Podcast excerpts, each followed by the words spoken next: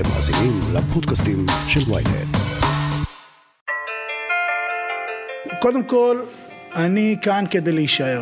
אף על פי שלפעמים לא נוח לכם לראות את זה כך, מדובר פה אמיתי בתרומה ופילנטרופיה. מאות מיליוני דולרים, חלומות על מיזמים טכנולוגיים מבריקים, קבוצת כדורגל אחת ומשקיעים מאוכזבים שמחפשים את הכסף שלהם. אנחנו רוצים לשחק את המשחק אחרת, כי זה מגביל את הטכנולוגיה. הטכנולוגיות שזמינות בעולם נקבעות בגלל המסגרות האלו. משה חוגג נעצר ביום חמישי, וכל המדינה מדברת על המיליונר שעשה את הונו הגדול בהשקעות נכונות במטבעות דיגיטליים, אבל לא ידע לעצור. אנחנו בעם ישראל, מי ששוכח את העבר, אין לו עתיד. מי אתה, משה חוגג? על השאלה הזו ננסה לענות בעזרתם של גיא בן זיו מאתר וואן ושל רועי קצירי, מומחה קריפטו מאתר investing.com.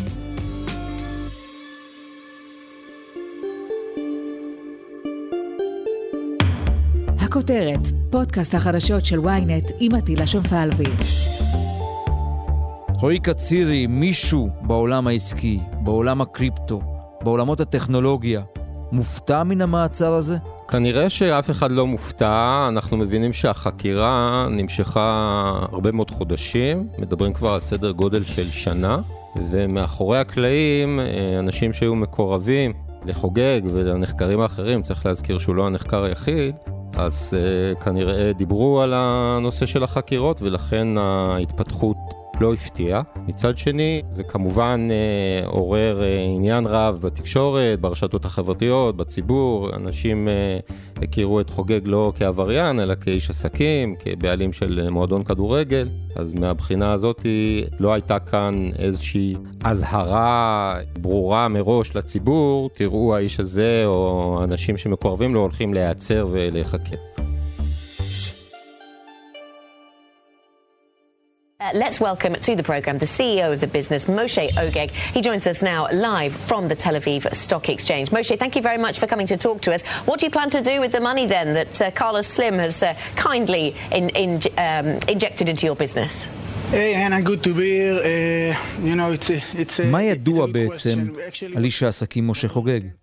אז משה חוגג, איש עסקים, הבעלים של מועדון הכדורגל בית"ר ירושלים, ושותף מייסד ויושב ראש של קרן סינגולריטי, שזאת חברת השקעות פרטית, שבשנים האחרונות מתמקדת במיזמים בתחום של מטבעות דיגיטליים ובלוקצ'יין. הוא גם בעלים של חברות נוספות, הרבה מאוד חברות שקשורות לעולם הזה של אה, השקעות וטכנולוגיה.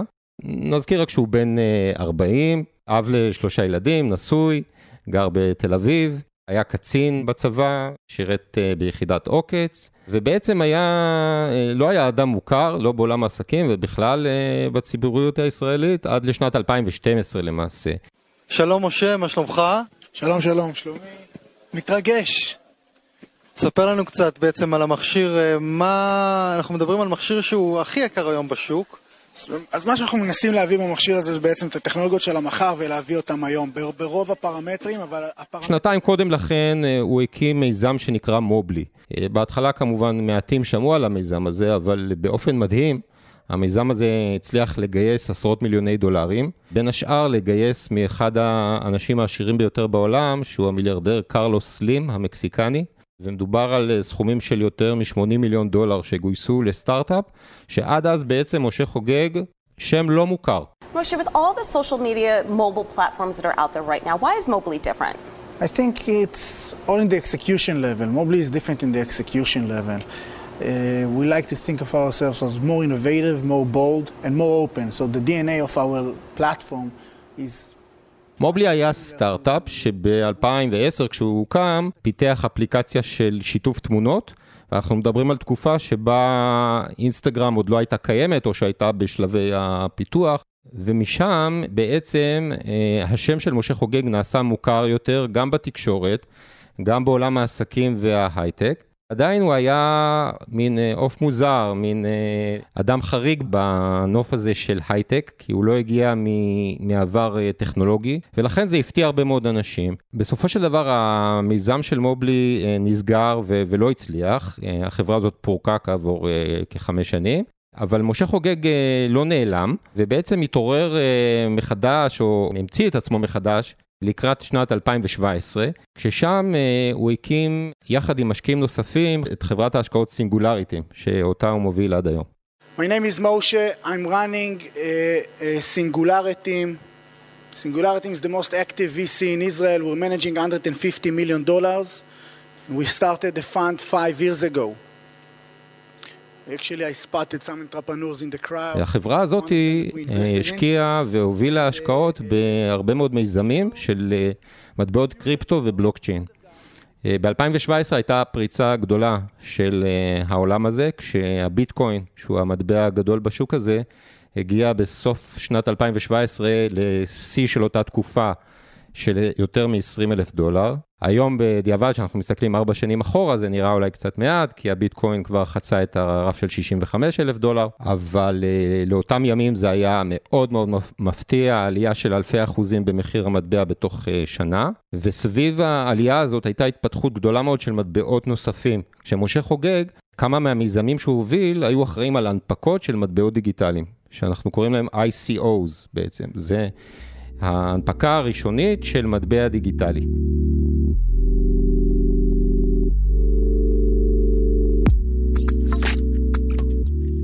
תראה, לפי מה שאני קורא בכל מקום, חוגג מאוד אהב לשלב את המטבעות, מטבעות הקריפטו, בכל העסקים שלו. יכול להיות שאלה ההשקעות שסיפחו אותו? כן, כבר מהימים הראשונים שלו בפיתוח של חברות בתחום הזה, הצהיר על החיבה שלו, על התמיכה שלו בביטקוין ובמטבעות קריפטו, וזה אה, לכשעצמו עורר סימפתיה כלפיו בקהילה שתומכת במטבעות האלה. זאת אומרת, עד היום משה חוגג נחשב כמוביל דעה בכל הקהילה הגדולה הזאת כבר ש, שתומכת בביטקוין, במטבעות כמו איתריום ומטבעות קריפטו נוספים.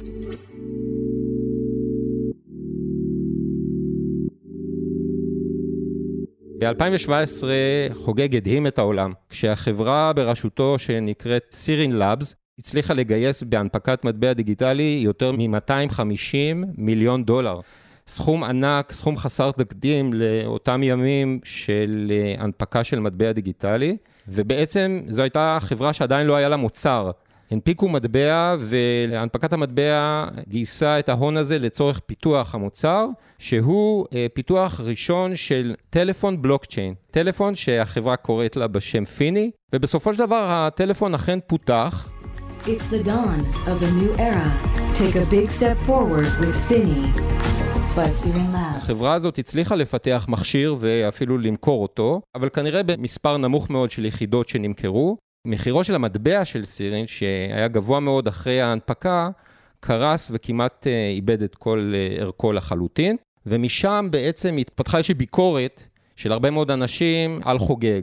הביקורת אה, טענה שבעצם חלק מהמצגות שהוא מציג למשקיעים בתחילת הדרך, כשהוא מגייס מהם את ההון להנפקת המטבע הדיגיטלי ומבטיח להם uh, על העתיד של המיזם שהוא מפתח, הרבה מאוד מההבטחות האלה לא היו מבוססות על עובדות, על uh, מידע אמין, וחלק מהטענות האלה הגיעו לבתי המשפט. לאורך השלוש-ארבע שנים האחרונות, הצטברו מספר גדול מאוד, אנחנו כבר מדברים על מספר דו-ספרתי של תביעות נגד משה חוגג ושותפים שלו סביב אותן השקעות במטבעות דיגיטליים. מדובר בתביעות אזרחיות, זאת אומרת, כאן אנחנו צריכים להבדיל מהפרשה שעליה אנחנו מדברים השבוע. עד כה מדובר היה בתביעות אזרחיות בלבד, תביעות כספיות, שרובן הסתיימו או שנדחו על ידי בית המשפט מסיבות כאלה או אחרות, או שהגיעו להסדר בין הצדדים, הסדר כספי, אה, מכיוון שרוב המקרים ההסדרים האלה חסויים, אנחנו יכולים רק להעריך באיזה סכומים אה, אה, הייתה הפשרה או ההסדר בין הצדדים, אבל זה לא אה, דווח על ידי הצדדים באופן רשמי. כשחוגג ניסה להקים בורסה למטבעות דיגיטליים, המיזם הזה נכשל. למה זה קרה?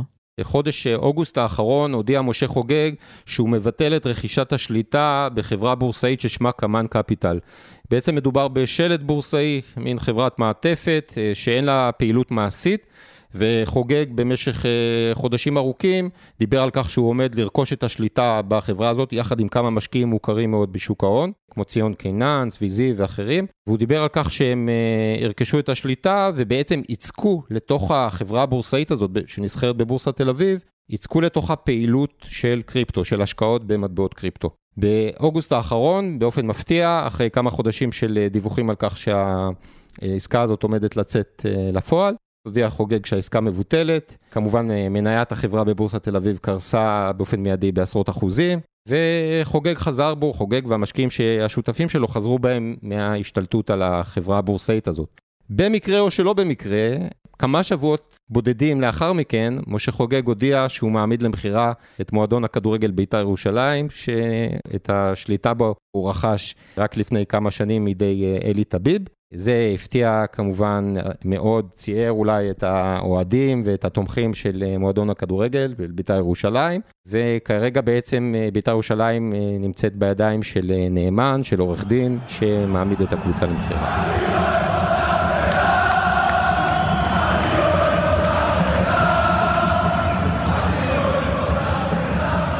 גיא בן זיו, אתה מסקר את בית"ר ירושלים באתר וואן.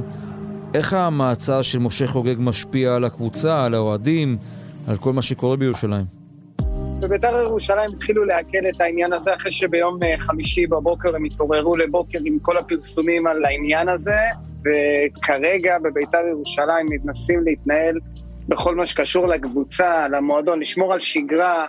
אני גם מבירורים שעשיתי, הבנתי שכל עוד המצב לעונה הקרובה לא אמור להיות מלווה באיזה שהם שינויים מקצועיים, אז גם יש את הכסף לשלם משכורות לשחקנים עד לסיום העונה, כך שמבחינת המועדון הם עדיין בהלם, זה די נפל עליהם כרעם ביום בהיר, כי לא חשבו שזה יגיע למצב כזה ושמתנהלת חקירה כל כך הרבה זמן, אבל גם ביום חמישי כשהחוקרים הגיעו לבית וגן, שיתפו איתם פעולה, כל אנשי המועדון שהיו שם, אנשי הכספים של המועדון, ומחכים עכשיו לשמוע ולראות מה באמת הולך להיות.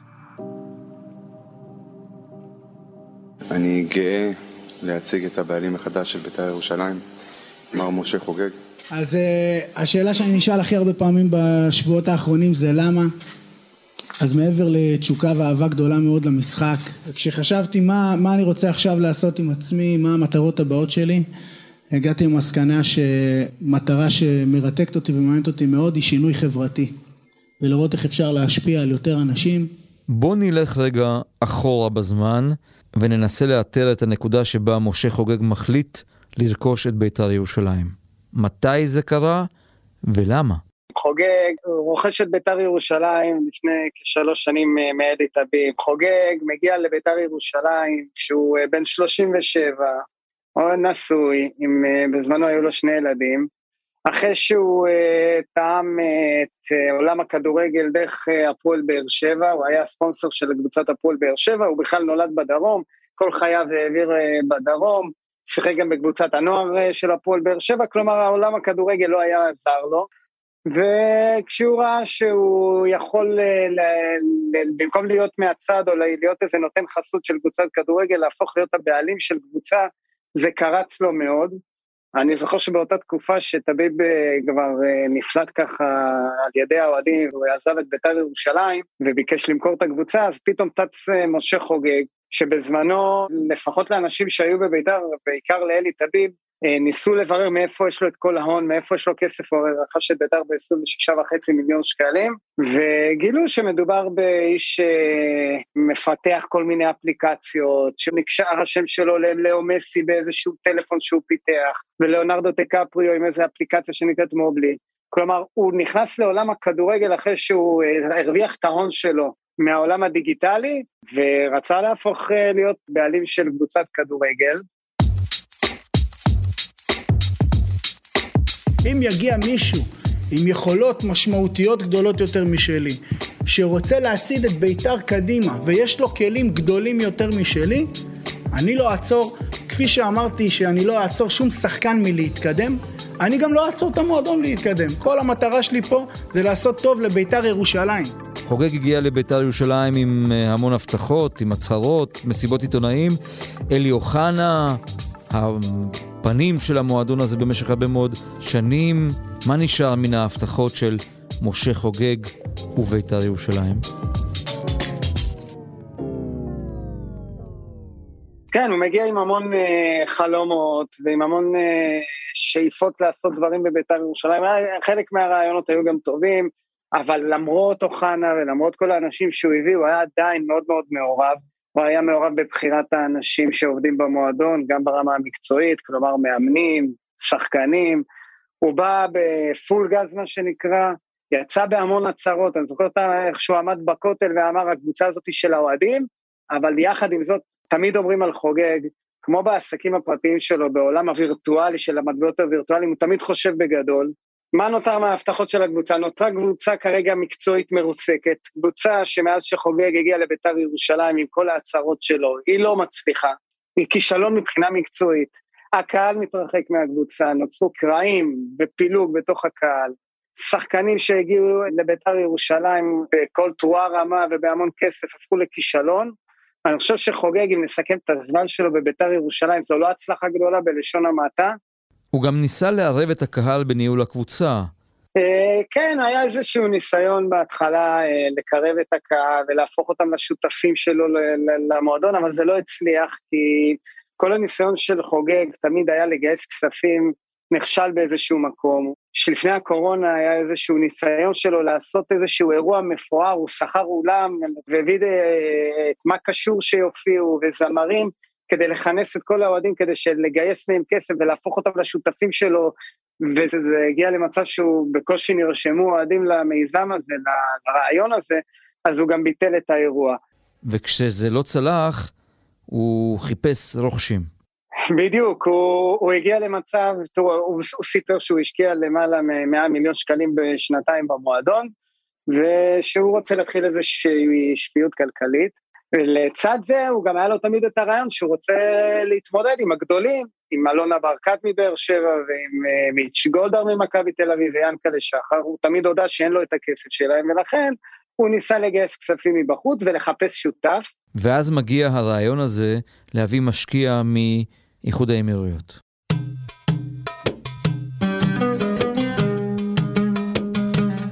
חוגג הגיע כבר לדובאי, והיו שם מסיבות עיתונאים, והכל היה נראה ש...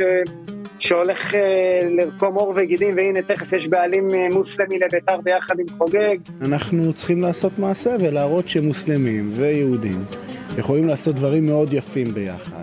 ואז התחילו כל מיני בעיות, לצוץ בעיות, ופתאום אין אה, לבן חליפה תעודת יושר, והתקשורת פתאום חשפה כל מיני קשרים שלו עם אנשים אה, פליליים ועם אנשים שנעצרו בעבר על ידי הרשויות אה, האמריקאיות. והעניין הלך והסתבך והסתבך והסתבך, ואחת הטענות שהיו, שעדיין לא הוכחו, זה שהוא חוגג מראש ידע שלא מדובר באדם נקי, אבל חוגג להגנתו, לכאורה, אבל חוגג להגנתו תמיד אמר שהוא כמו כולם מופתע, הוא לא ידע שהעניין הזה הולך להסתבך. אבל יחד עם זאת היו כל הזמן דיבורים לכאורה על איזשהו ניסיון של מכירה פה של 50 אחוז שיובילו גם לעסקאות קריפטו, זה גם שוב לא הוכח אבל מה שכן קרה בסופו של דבר ששום דבר לא קרה, העניין הזה התפוצץ, אה, בן חליפה אה, לא הפך להיות שותף של חוגג ושם נוצר גם קרע בין אה, חוגג לארגון הלה פמיליה שאנחנו חיים אותו עד עכשיו.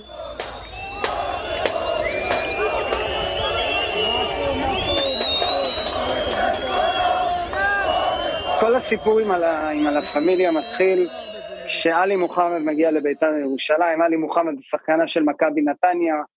אני לא גזען, אבל אני כן מודיע לך, לך ולכולם, שהחל מהיום דת לא מהווה פקטור בבחירת שחקנים בביתר ירושלים. חוגג מחליט שהוא מחתים אותו בביתר ירושלים, העניין הזה לא כל כך מצא חן בעיני חלק מאוהדי ביתר ירושלים, אבל הניסיון של חוגג למכור את אה, בית"ר ירושלים למוחמד בן חליפה מאיחוד האמירויות אה, גרם לקרע משמעותי הרבה יותר בינו לבין הלה פמיליה וזה הגיע כבר לפסים שהיו מגיעים לבית וגן אוהדים מלה פמיליה, מנגד אוהדים שבעד חוגג, בהתנצחויות, ו- וממש נוצר קרע בין המועדון. מבקש ממך, מחילי טרופר, שר התרבות והספורט, תכניס קצת תרבות לתוך הספורט.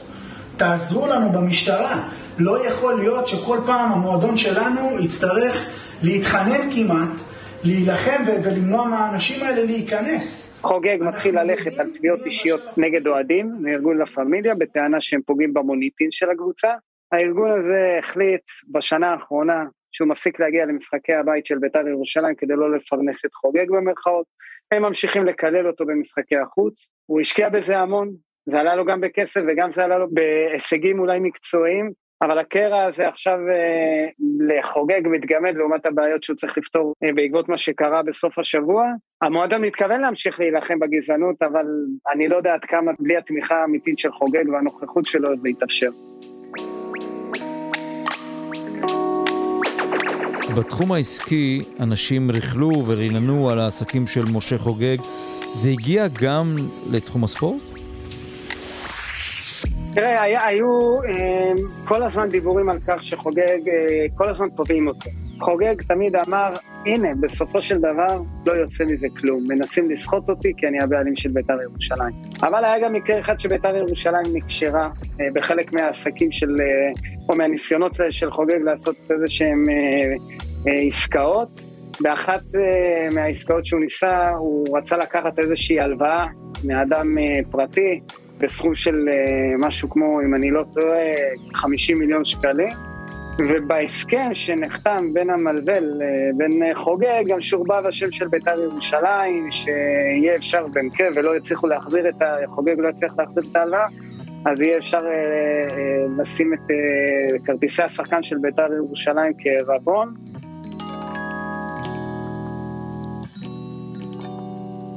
העסקה הזאת בסופו של דבר לא נחתמה בין שני הצדדים, כך שהטענה היא של חוגג הייתה גם בעניין הזה, שבסופו של דבר לא יצא שום עסקה, לא על חשבון בית"ר ירושלים, ושאף אחד לא, לפחות כך הוא אמר, לא ניסה לשרב...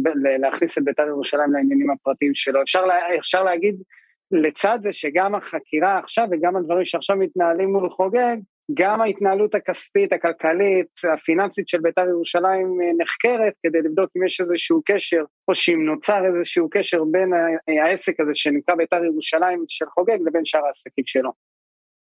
גיא, כשאתה מסקר את בית"ר ירושלים, מה אתה מגלה על האישיות של משה חוגג, על האופי שלו?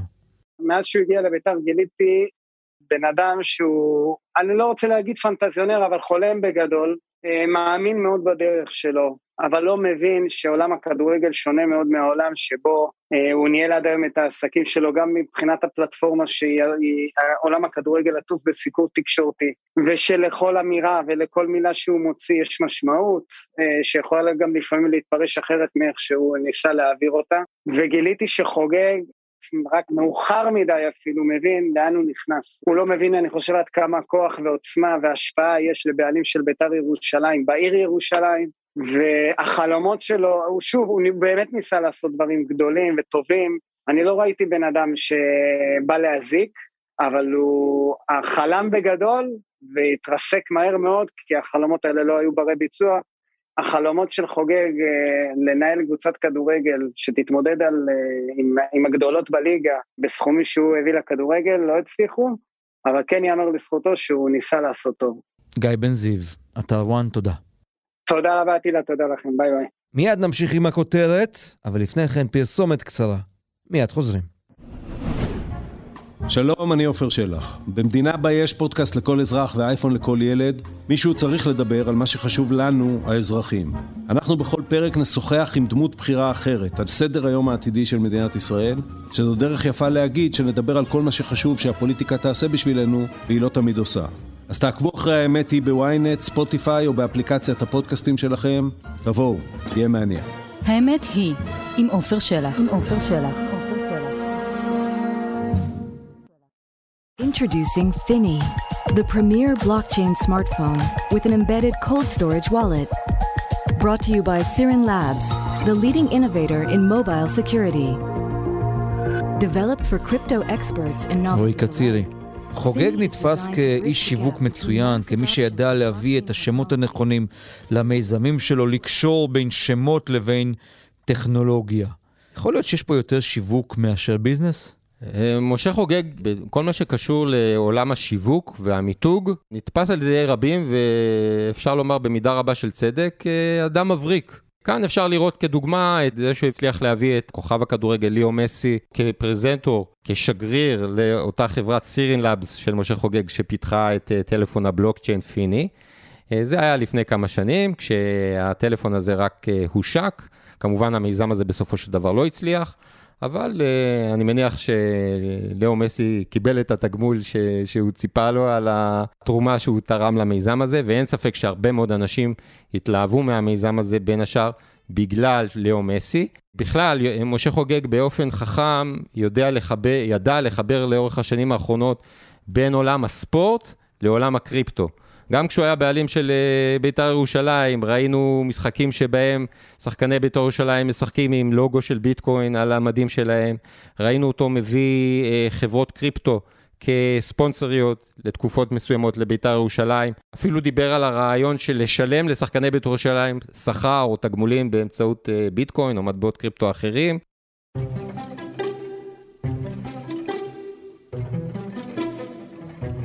יהיה זה נכון לומר שמשה חוגג הלך על חבל דק בכל הנוגע להשקעות שלו בתחומים שונים? כמו שאמרתי בתחילת הדברים שלי, חוגג הוא עוף מוזר אה, בנוף הזה של הייטק. הרי אנחנו מכירים הרבה מאוד חברות הייטק ישראליות שמצליחות לגייס סכומים מאוד מכובדים, אה, עשרות ומאות מיליוני דולרים. אה, החברות שחוגג הקים הן לא הראשונות שעשו זאת, אבל הדרך שבה הוא עושה זאת היא שונה. חוגג לא פונה לקרנות הון סיכון מוכרות, או מה שנקרא לאנג'לים, כלומר משקיעים גדולים בתעשיית ההייטק, אלא הוא פנה למשקיעים מן השורה, משקיעים שהם דווקא לא מגיעים מעולם ההייטק ולא בהכרח מעולם העסקים הטכנולוגיים, ובאופן מפתיע הוא הצליח לגייס מהם סכומים אדירים של אה, מיליוני שקלים בישראל, עשרות מיליוני שקלים ועשרות מיליוני דולרים בעולם, והוא הצליח לעשות את זה באופן מפתיע ממשקיעים במדינות רבות, באסיה, באירופה, בצפון אמריקה, בישראל כמובן. באמת בתהליך של ההשקעה, מכיוון שמדובר במשקיעים לא מנוסים ברובם, שלא מכירים היטב את, ה... את רזי ההשקעות ואת uh, יורדים לעומק של הפרטים של המיזמים האלה, כדי להבין באמת האם יש פה בסיס אמיתי, האם יש פה באמת צורך? האם יש פה פתרון טכנולוגי שראוי להשקעה? האם יש פה חברה מסודרת שבאמת אפשר להפקיד בידי הכספים?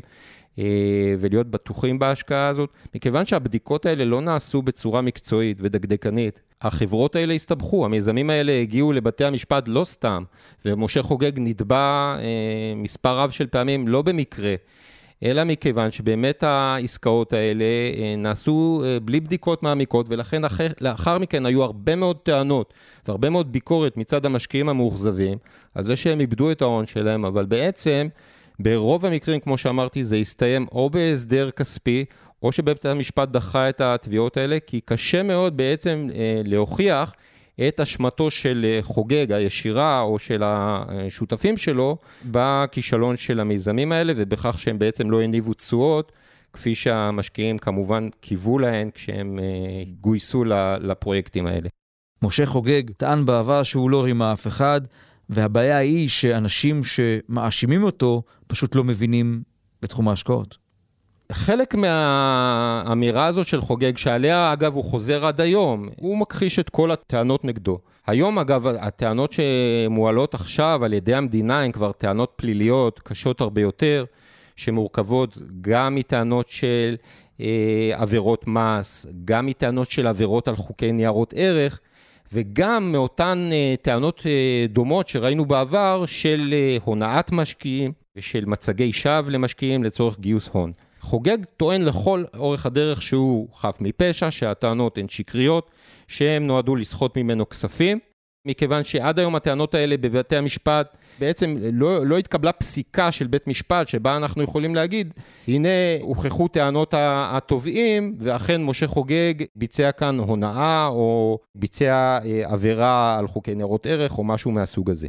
אבל כאן בפרשה שהתפוצצה השבוע אחרי חקירה ממושכת של המשטרה, של רשות המיסים ורשות ניירות ערך, חקירה משולבת, כאן כבר אה, מדובר בטענות פליליות מורכבות, שכנראה יצטרכו בסופו של דבר להתברר אה, אה, בבית המשפט. רועי קצירי, investing.com, תודה.